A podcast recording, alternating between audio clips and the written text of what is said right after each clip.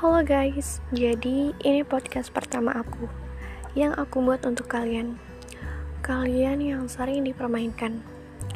Suara ini memang tak sempurna. Kalimatnya pun belum tepat untuk kau puja. Tahanlah. Jangan terburu-buru untuk menilai apa yang kau lihat dan apa yang kau dengar.